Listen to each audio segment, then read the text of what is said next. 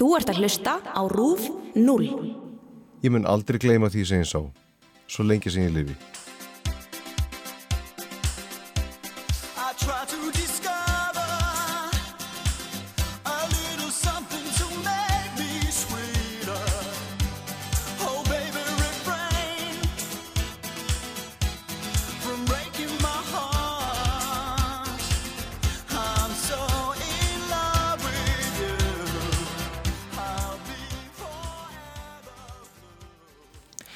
Hefur það eitthvað mann veldi fyrir þér hvers vegna við göngum gleðigöngur?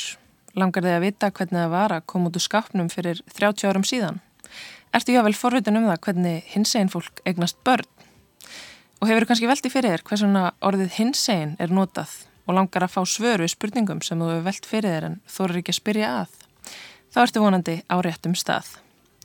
Ingileif Fridriksdóttir heiti ég og mun vera með ykkur í 6 þáttar hlaðvarpsserju næstu vikunar sem gefin er út í tilefni 50 ára afmælis Stonewall uppþótana í New York og 20 ára afmælis hinsegin daga á Íslandi.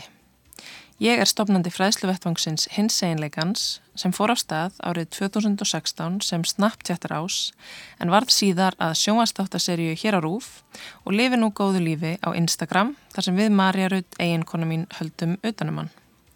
En hinseginleikin er víða og á næstu vikum mun ég kafa ofan í hinnar ímsu hlýðar hans og tala við áhugavert fólk.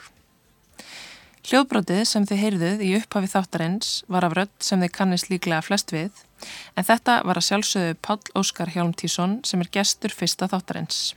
Þátturinn er vantanlegur á næstu dögum og ég hlakka mikið til að deila honum með ykkur. Þar til næst.